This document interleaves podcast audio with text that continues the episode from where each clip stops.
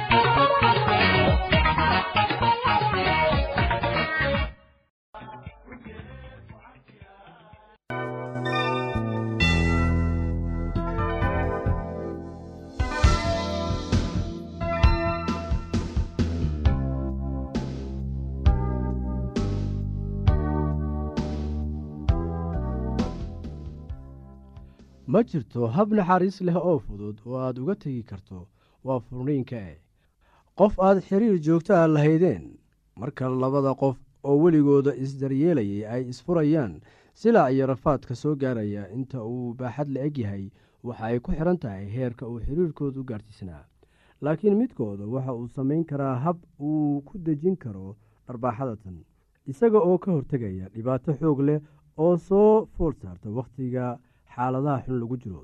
Weliga haddii aanay ku soo marin waayo aragnimada furniinka waxaa hubaal ah inay ku soo mari doonto maalin uun sidee baad haddaba u xamili doontaa marka qof aad jeclayd oo aad si wanaagsan u dhaqaalaynaysay kuu sheego inuusan mar dambe doonayn xiriirka aad wada leedihiin ee jacaylka ah.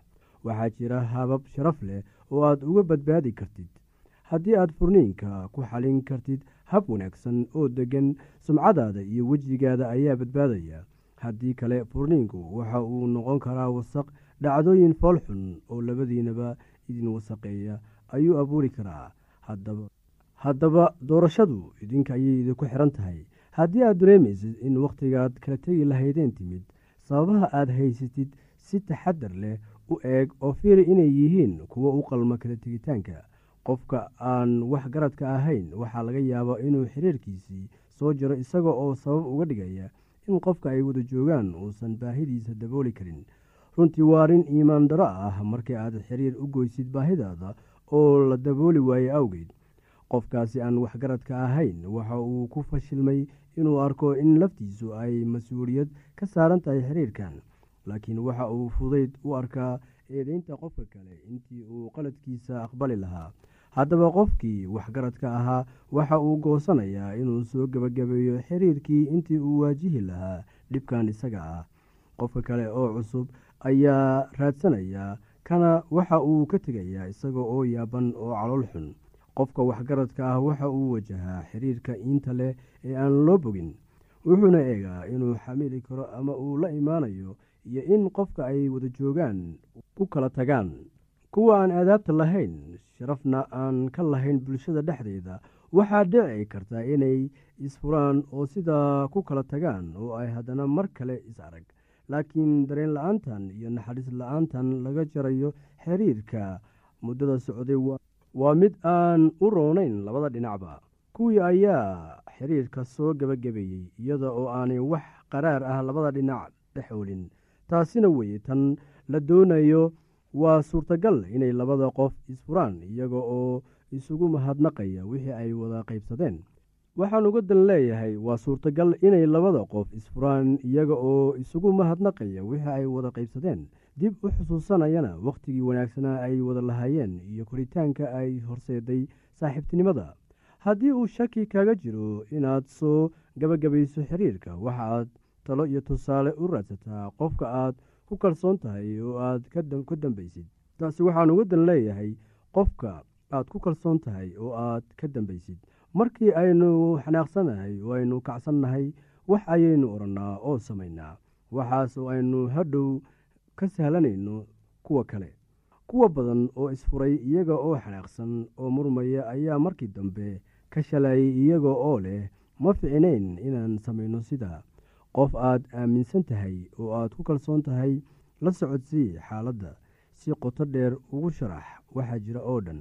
Tan iyada ah waxay kugu caawinaysaa in maskaxdaada nafisto oo aad qofka kale ku caawiso inuu isgarwaaqsado ta ugu wanaagsan ee aad samayn kartid ayaa waxa ay tahay adiga oo ducaysta oo ilaah weydiista in go'aanka fiican kugu toosiyo oo uu kugu caawiyo inaad waddada saxa ah dowlatid weydii inuu kugu caawiyo inaad go'aano naxariis la gaartid. Sidoo kale u ducee qofka aad kala tegaysaan si uusan ula kulmin silac xagga dareenka iyo xagga ruuxa jirka. Soo gebagabee xiriirka isla markii aad go'aankan gaartaba intii aad horkici lahayd qofka kale. Qaad tallaabo aad ku soo jaraysid xiriirka kadib markii uu shakiga caqligalka kugu dhaco ha iska dhigin mid daryeelaya qofka aad ka xiiso qabto haddii aad qabto wax su'aalaha fadlan inala soo xiriir. Ciwaankeenna waa radio somaly at yahu t com. Mar labaad ciwaankeenna waa radio somaly at yahu dt com. Barnaamijyadeena maanta waa naga intaas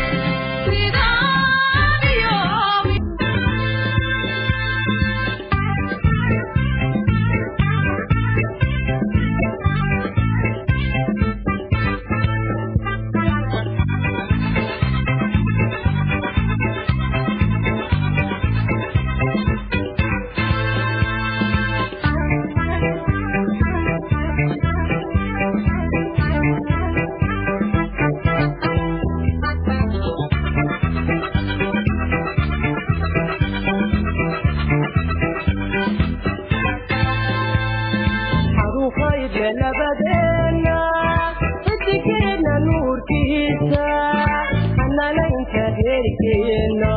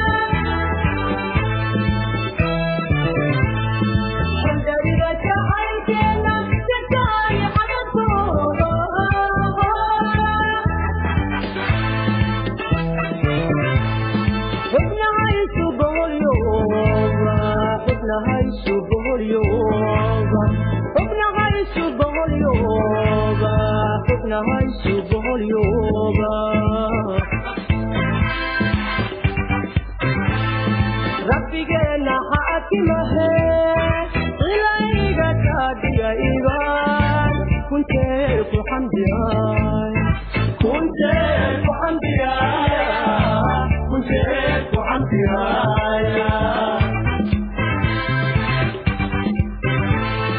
rabbigeenna xaakimahe ilayga kaadhiga ibaan kunteer ku xamdiyaya kunteer